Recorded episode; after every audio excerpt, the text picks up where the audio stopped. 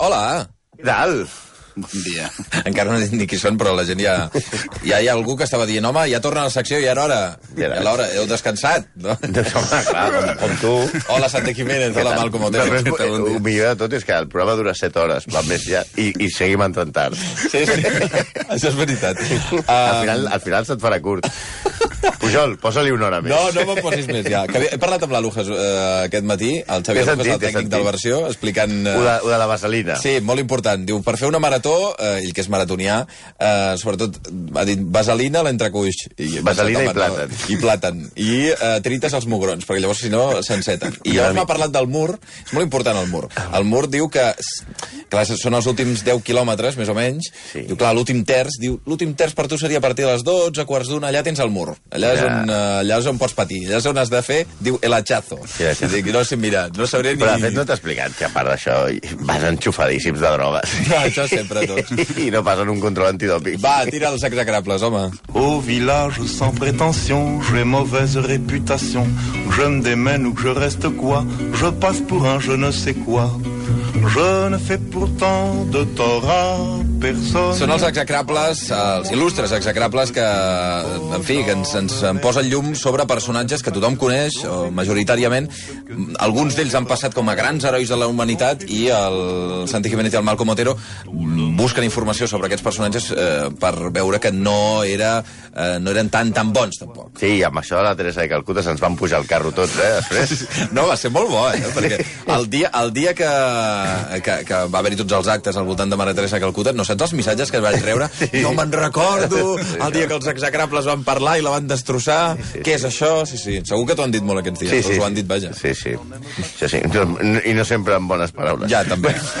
Bueno, Això és el risc. Avui comencem segona temporada, eh? Que això és increïble.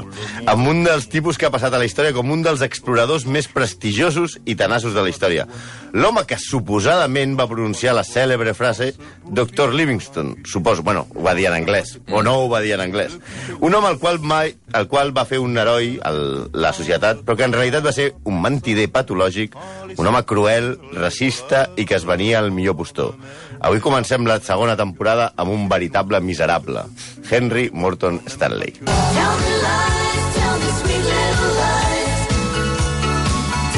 Mentiré. Sí, un, I tant. uh, little Lies. Però I- el seu eren littles o eren grans? Bueno, lies? jo crec que era més aviat grans. Ja. Si avui parlem de Henry Morton Stanley, ja comencem que és un nom fals. Ah, molt bé. Com ja veurem.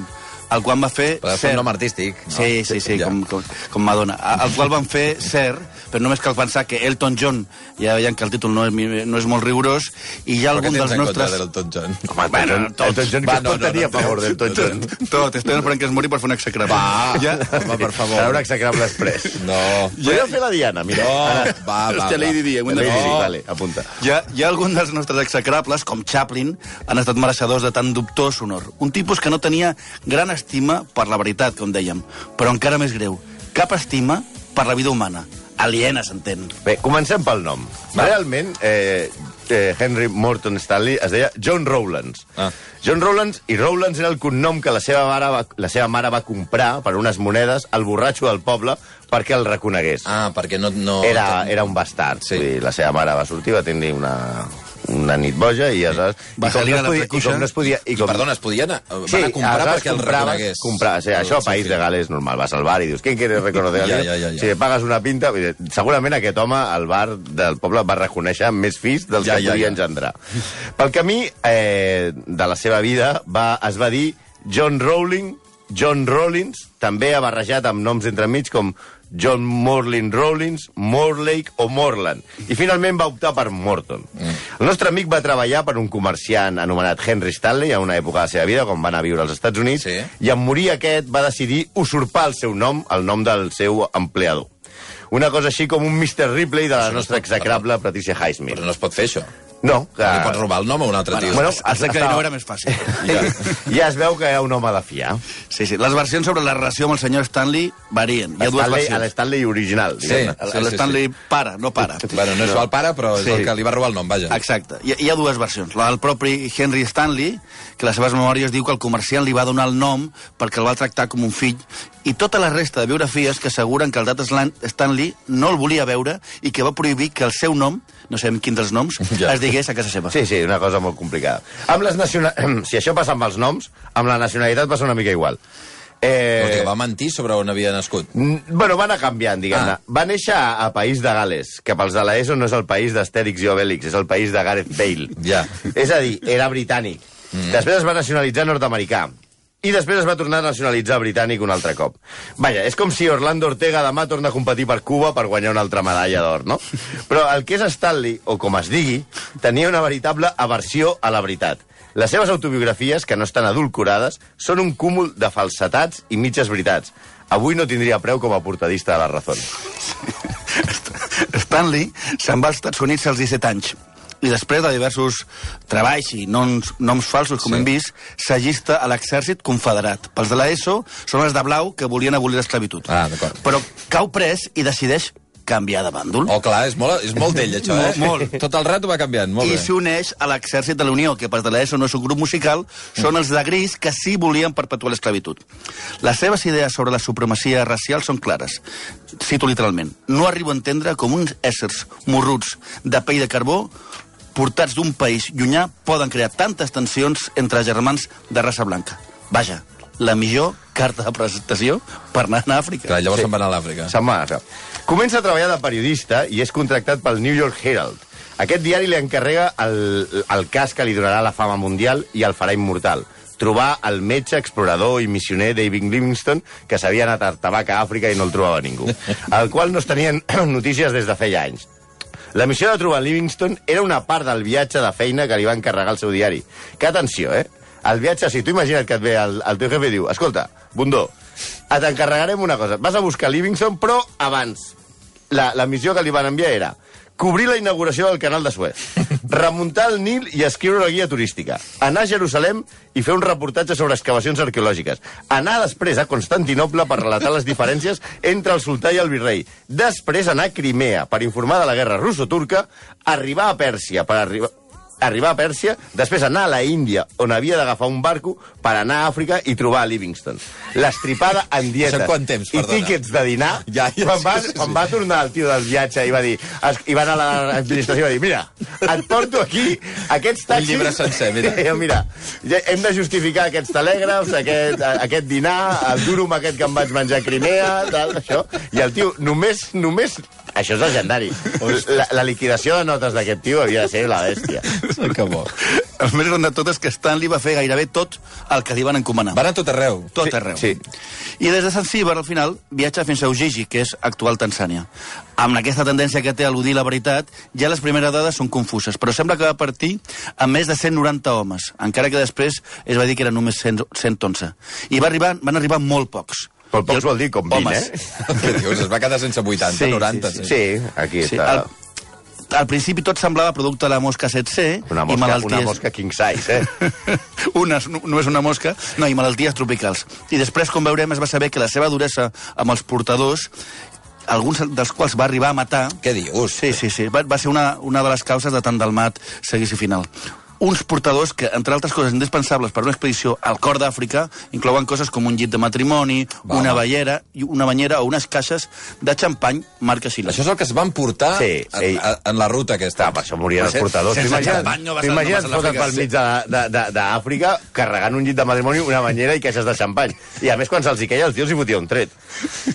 La cosa és que, segons sembla, a veure, tornem-hi, quan va trobar Livingstone al novembre del 1871, no li va dir Dr. Livingstone, suposo.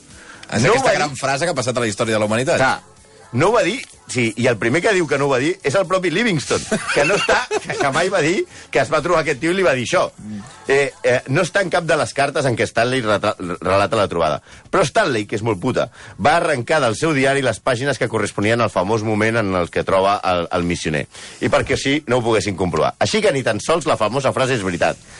Un dels seus biògrafs, Tim Gill, manté que se la va inventar A posteriori. Sí, com tants fets en els seus llibres per un sentit de la immortalitat. I sobretot per diners, mm. perquè després es va guanyar molt bé la vida, aquest home, explicant les seves aventures a Àfrica. Val a dir que una cosa és ser un mentider i l'altra un mal escriptor. I Stanley el que tenia era que un grandiós escriptor, era un gran fabulador. De casos de grans escriptors mentiders, el Malcolm ens pot donar certes, Molts, ens certs, certs exemples. Bueno, la, la qüestió és que Stanley es va convertir en un heroi. Amb la frase aquesta que es va inventar... Sí, no, i amb el fet de trobar Livingston, Livingston. que era un tio que estava perdut. Que a més ningú volia que el trobessin. És que jo imagino que Livingston estava a l'Àfrica i no volia que ningú el trobés. Què fa aquest passat aquí? Si aquest tio se'n va a l'Àfrica, no volia que ningú el No trobés. em vinguis a buscar passat, no em vinguis a posar... No, i de, ja que va trobar Livingston va fer una altra dels, dels, de les coses més importants de la- de l'exploració africana, va aconseguir circunvalar el llac Victòria i demostrar i acabar amb la controvèrsia de, les, de la font del Nil, que era una cosa que en aquell moment tothom parlava de la font del Nil. Era, tothom vas al bar i dius, hòstia, el que tal, la què, font del Nil? què ha fet avui al Barça? No, hòstia, jo estic molt preocupat per on neix el Nil. Normal. Coses que passaven a l'època. No, entonces, però ja començaven a arribar, eh, encara que ja començaven a arribar les veus dels seus mètodes salvatges, va aconseguir eh, finançament per resoldre un altre misteri de l'època que també es parlava als bars, que era el curs del riu Congo fins al mar. Sí, hi havia Mourinho Guardiola, el curs del riu Congo i on neixia el Nil. En, en aquesta expedició, segons ell, segons Stanley, van morir 230 persones. Encara que després va veure que va mentir que només van morir 110. O sigui, estaven- N'estava orgullós la gent que havia, que havia mort. I ell diu, literalment, els que van morir no mereixen compartir la meva glòria. Va dir no està demostrat que va matar el que els revoltaven, que la duresa imposada i les condicions inhumanes en les quals tractava els portadors van causar part d'aquestes morts de les que ell estava tan orgullós. Fins i tot, un dels seus homes va disparar de la nit a la seva tenda quan ell estava dins intentant assassinar-lo. És a dir, si tu, truc, eh, tu deies, hòstia, estic a l'atur, tal, m'ha sortit una feina, què vas? De portador amb una expedició de Stanley. No. Date, date por muerto, chaval. Sí, sí, no tornaràs. No. I a més a més, Stanley odiava Àfrica, un continent que només veia com una font d'ingressos. Ell mateix es referia al continent com un immens pantà que no val la pena. En, en, a la traducció castellana, pantà queda molt fluix, però deia una ciénaga. Sí. Eh, sí, sí una, una cosa que no... no A més, més bruta. més no? bruta encara. Si les baixes entre els, entre els que anaven amb ell eren nombrosíssimes, com hem explicat, entre les tribus que ell es trobava quan passava per allà, fer una escabatxina. una escabatxina, perquè realment Stanley sempre va tenir molta cura de portar les armes més modernes de la seva època a les seves expedicions per enfrontar-se als indígenes que amb llança i canoa s'enfrontaven amb un barco de, de, de, de vapor que ell va fer portar també pels portadors, eh, desmuntat per portar-lo i muntar-lo al llac Victòria. Aleshores ell es dedicava a anar circunvalant el llac Victòria i aleshores trobava els pobres indígenes eh, amb canoes i els disparaven gairebé com a, com a divertiment des, de, des, de, des del vaixell.